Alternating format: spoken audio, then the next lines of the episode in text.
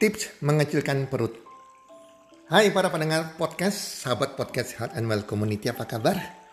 Harapan dan doa kami semoga teman-teman bersama keluarga dalam keadaan sehat walafiat semuanya. Dan pasti-pastinya rezeki Anda akan makin bertambah dari hari ke hari dan dari bulan ke bulan. Dan kami doakan semoga apa pun yang Anda kerjakan di tahun ini dijadikan berhasil oleh Tuhan Yang Maha Esa. Tips mengecilkan perut. Teman-teman, di podcast kali ini saya membagikan cara mengecilkan perut. Ini juga berdasarkan dari pengalaman pribadi saya juga teman-teman ya. Jadi sekali lagi ini tips mengecilkan perut bukan membuat perut six pack ya. jadi yang penting perut kita rata ya. Jadi bukan perut six pack ya. Oke. Teman-teman Sekali lagi kalau kita memiliki perut yang gendut atau istilahnya perut buncit, pastilah membuat penampilan kita tidak menarik. Bisa membuat kita juga jadi insecure, kurang pede. Betul tidak? Setuju nggak? Ya.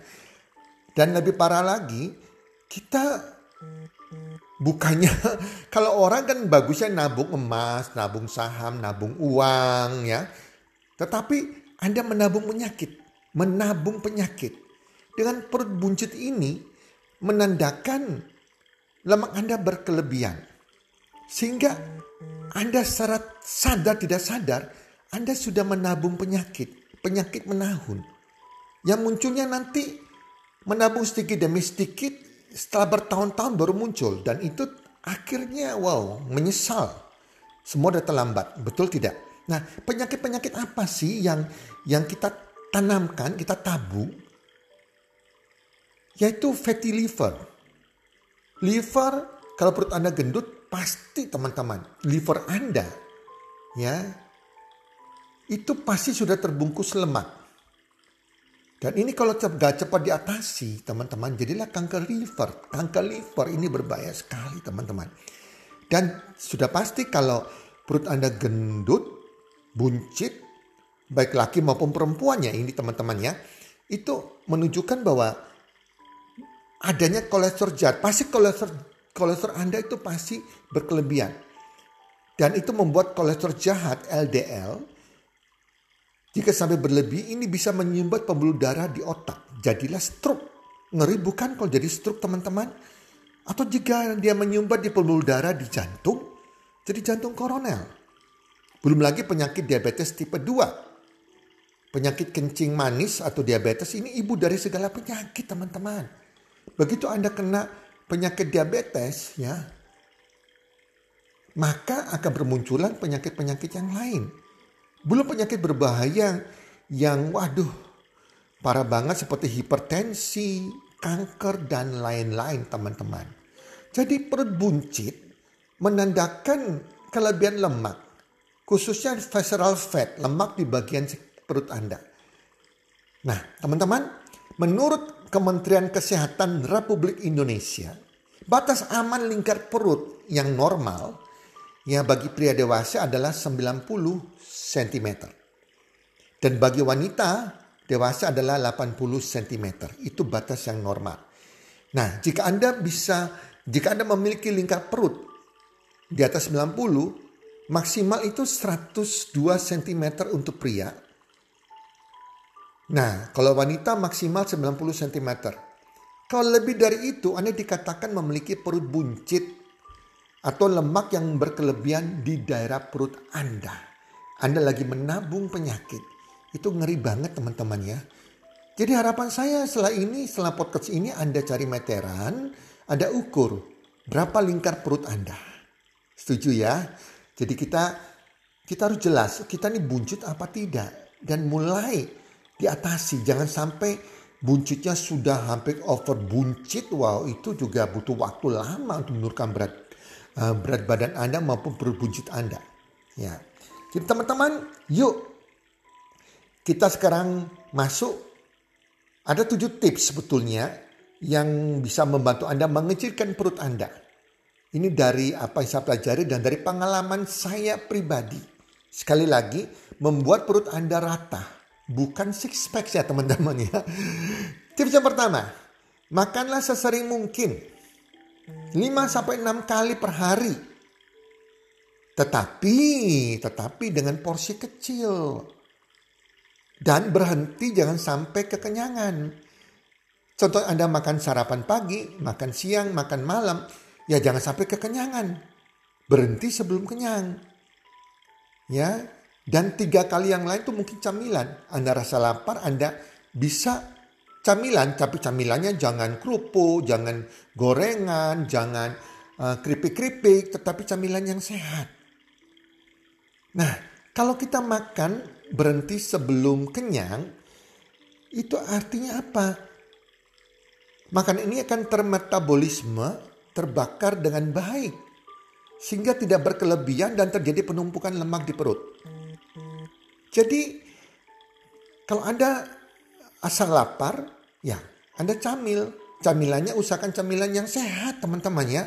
Camilan sayur, camilan buah untuk membantu meng, uh, mengurangi rasa lapar Anda. Saya percaya setelah tiga hari Anda lakukan, Anda akan jadi terbiasa teman-teman. Ya terbiasa. Nah sekarang teman-teman uh, kita harus tahu sebetulnya camilan-camilan apa sih yang sehat. Nah kita masuk tips kedua. Tips kedua adalah konsumsi bahan pangan pembakar lemak. Pembakar lemak di perut khususnya. Jadi ada makanan-makanan tertentu yang bisa membantu kita membakar lemak di perut. Jelas makanan itu harus rendah kalori teman-teman. Nah, berikut ini adalah sayuran dan buah-buahan yang bisa membantu pembakaran lemak di perut atau membantu metabolisme Anda. Ya. Sayuran dulu lah, ya sayuran. Yaitu sayuran bayam dan sayuran hijau. Sayuran hijau seperti kangkung, selada, buncis, brokoli, itu bagus sekali ya. Terus kemudian jamur, segala macam jamur-jamuran itu bisa jamur mengandung protein tinggi ya. Nah, dia bisa meningkatkan metabolisme, bisa membantu menurunkan berat badan Anda, membakar lemak Anda, membantu kadar glukosa dalam darah Anda. Terus kembang kol juga bagus. Kembang kol itu mengandung semacam fitonutrisi yang bisa uh, apa ya bisa membantu Anda membuat rasa kenyang Anda lebih lama dan juga dia juga bisa membakar lemak di perut. Nah kemudian berikutnya adalah cabai atau lombok. Nah, beberapa studi penelitian terbaru menunjukkan bahwa panas yang dihasilkan oleh uh, akibat lombok di dalam makan makanan kita yang pedas ya itu membantu bakar kalori lebih banyak serta mengoksidasi lapisan lemak dalam tubuh kita. Berikutnya adalah labu. Nah, labu ini adalah jenis sayuran. Walaupun banyak orang bilang itu buah labu. Tapi sebetulnya tergolong sayuran. Dia rendah kalori dan tinggi serat. Nah ini juga saya jadikan camilan Anda. Bisa buat sup labu. Tetapi ingat jangan pakai gula. Gulanya gula stevia, gula alami teman-teman ya. Nah jadi hindari gula. Nah jadi bagus untuk diet dan bakar kalori. Wortel juga demikian. Wortel Anda rebus bisa dibuat camilan. Ataupun Anda campur dengan uh, makanan Anda makan siang, makan malam itu bagus banget. Kalau lapar ya makan wortel yang mentah. Kalau Anda suka mentah boleh, tapi gak yang di, direbus aja wortelnya ya. Ini bisa membantu menciptakan rasa kenyang lebih lama ya dan camilan yang sehat. Mentimun juga bagus. Saya suka sekali camilan mentimun teman-teman. Saya dibuat camilan kayak akan air serta serat. Nah, sayur asparagus juga bagus juga dibuat sebagai salah satu lauk kita. Karena asparagus ini juga membantu memecah lemak di perut. Nah, Anda bisa tumis dan dibuat yang lainnya teman-teman. Terus kemudian kacang-kacangan. Jenis kacang-kacangan, kacang mente, kacang tanah, uh, almond itu bagus banget teman-teman. Bisa membantu membakar lemak di perut. Tetapi kacang-kacangan ingat jangan digoreng. Oke, harus kacang rebus atau uh, mente panggang kacang panggang ya jangan digoreng. Dan perhatikan juga kalau Anda suka makan kacang-kacangan sebagai uh, orang bilang camilan Anda harus yang panggang dan jangan kebanyakan. Nah, karena kacang tetap mengandung kalori yang cukup tinggi. Nah, kalau buah-buahan yang kita bisa pakai sebagai camilan penghancur lemak kita ya itu ya jeruk lemon, jeruk bali, jeruk nipis ya. Anda bisa minum air jeruk nipis atau jeruk lemon, tetapi ingat jangan pakai gula. Gula itu jahat teman-teman ya. Anda pakai gula alami, gula dari stevia misalnya. Jambu biji bagus, tomat juga bagus, kelapa, apel, buah apel, pisang kepok, alpukat, semangka, kiwi, buah markisa, bukan sirup markisa, tapi buah markisa teman-teman. Ya, Oke jelas teman-teman ya. Jadi hindari gula. Anda gak usah khawatir kekurangan gula. Ya, karena di dalam buah itu sayur sudah ada gulanya. Nah, yang Tips yang ketiga, terapkan aturan 50-50. Aturan 50-50 apa itu? Ya, itu adalah aturan di mana satu piring nasi Anda, Anda makan pagi, Anda makan siang ya. Nah, itu usahakan uh, 50 persennya itu di piring nasi Anda, itu adalah protein. Baik itu protein nabati, protein hewani, ya, mau tahu, tempe, ikan, ayam, ya, telur, oh, telur bagus banget teman-teman ya. Nah, sisa 50 persennya itu adalah sayuran teman-teman. Berbagai macam sayuran teman-teman. Nah, itu jadi makan makan pagi Anda, makan siang, ataupun makan malam. Dan ini adalah pola makan yang sehat.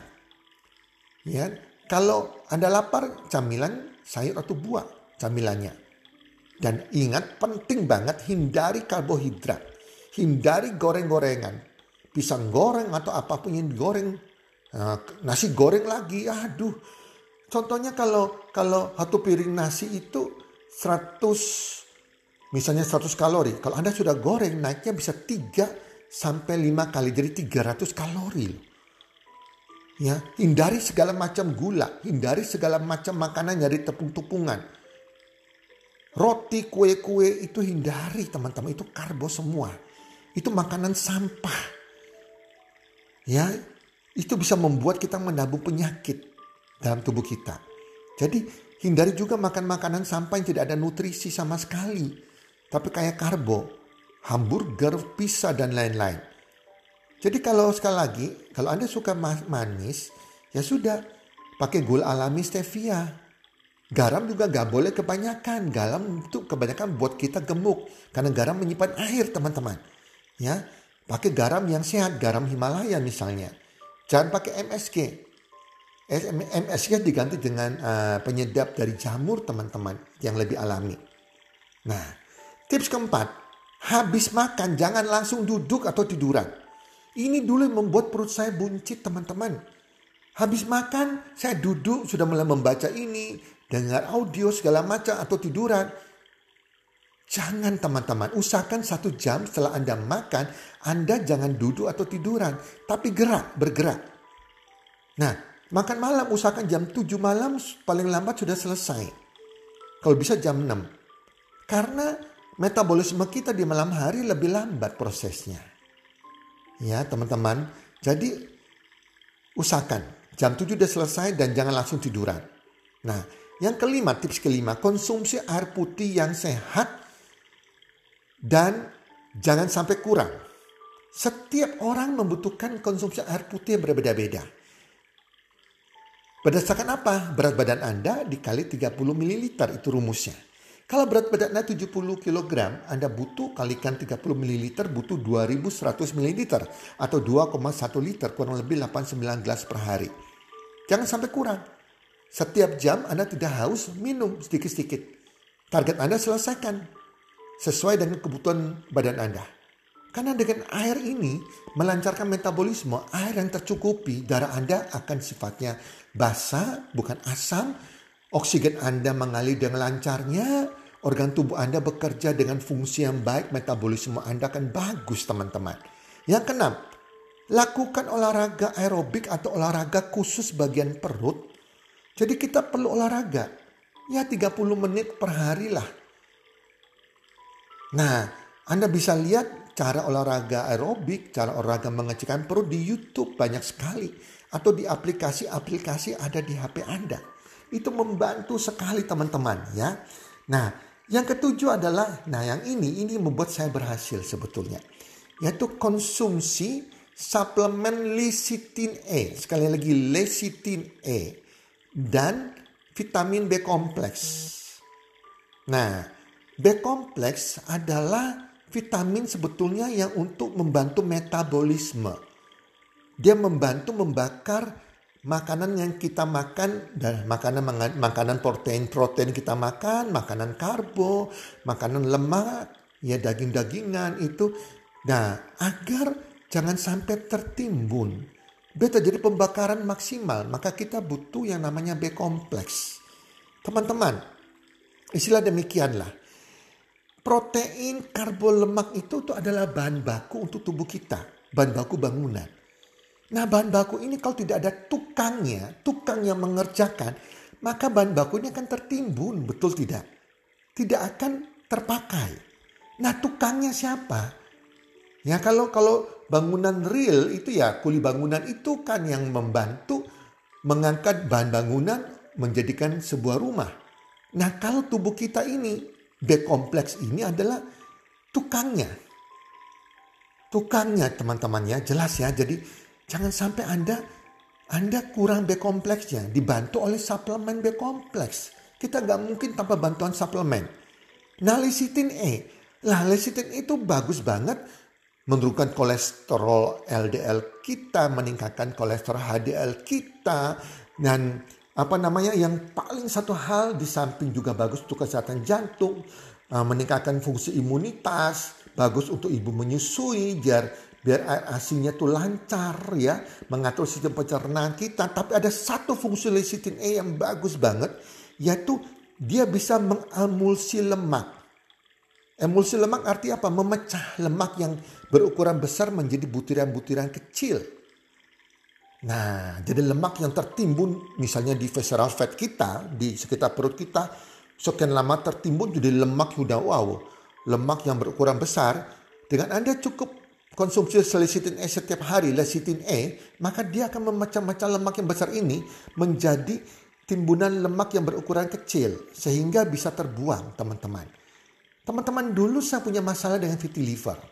SGPT, SGOT saya jelek banget karena liver saya tertimbun oleh lemak. Perut saya jadi buncit dan saya konsumsi lecithin E ini. Ya dengan dosis untuk di luar dosis normal teman-temannya dan itu wow membantu sekali dan sekarang saya sudah tidak punya masalah yang namanya fatty liver teman-teman. Jadi kalau kita cari suplemen jangan asal beli di online-online itu atau suplemen yang dari buatan pabrik kimia kita harus tahu pabrik mana yang buat. Asalnya dipakai bahan kimia atau bahan-bahan alami teman-teman. Kita nggak butuh bahan kimia berbahaya. Kita butuh bahan alami yang organik, yang pabriknya terpercaya, pabrik suplemen yang halal, yang ada jaminan kualitasnya. Bukan lihat harganya, tapi jaminan kualitasnya, money garantinya ada nggak? Dijamin 100% money garantinya apa enggak? Kalau dia berani memberikan jaminan money back garanti 100% artinya apa? Dia pasti alami organik yang dia klaim demikian. Tidak memakai bahan kimia. Gak cocok kita bisa kembalikan kualitas jelek kita sekembalikan. Tetapi kalau kita hanya lihat harganya murah, terus lihat apa um, bahasa iklannya ya, wah bisa gini bla bla bla bla. Itu namanya iklan. Tidak ada kecap yang nomor dua. Semua kecap nomor satu. Tetapi perusahaannya bisa mempertanggungjawabkan tidak. Anda tahu jelas pabriknya, tahu lahannya dari bahan alami tidak. Apakah bisa menebak garansi klaimnya ini kalau nggak benar bisa dikembalikan apa tidak. Jadi hati-hati teman-teman, milih suplemen yang benar. Teman-teman, itu tujuh tips untuk membuat kita mengecilkan perut. Agar perut kita menjadi rata, sehingga memiliki perut yang berukuran normal, maksimal lah 102 cm untuk pria dan 90 cm maksimal untuk wanita. Selamat memiliki perut yang rata, selamat melakukan proses mengecilkan perut Jangan pernah menyerah, Anda semua pasti bisa karena kesehatan itu mahal. Dan penampilan kita itu perlu sekali. Jangan sampai kita menjadi insecure. Oke teman-teman, semoga bermanfaat dan salam sukses. One, two, three.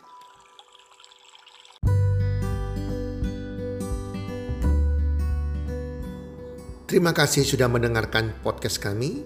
Teman, jika Anda rasa bermanfaat podcast kami ini, Anda bisa menginfokan kepada rekan kerja Anda, keluarga Anda, teman ataupun sahabat Anda. Dan jika ada hal-hal yang Anda ingin tanyakan kepada kami ataupun topik-topik apa yang Anda ingin kami bawakan, kami sampaikan, Anda bisa DM kami di Instagram kami healthcommunity.id. Salam one two salam sehat, sejahtera dan bahagia.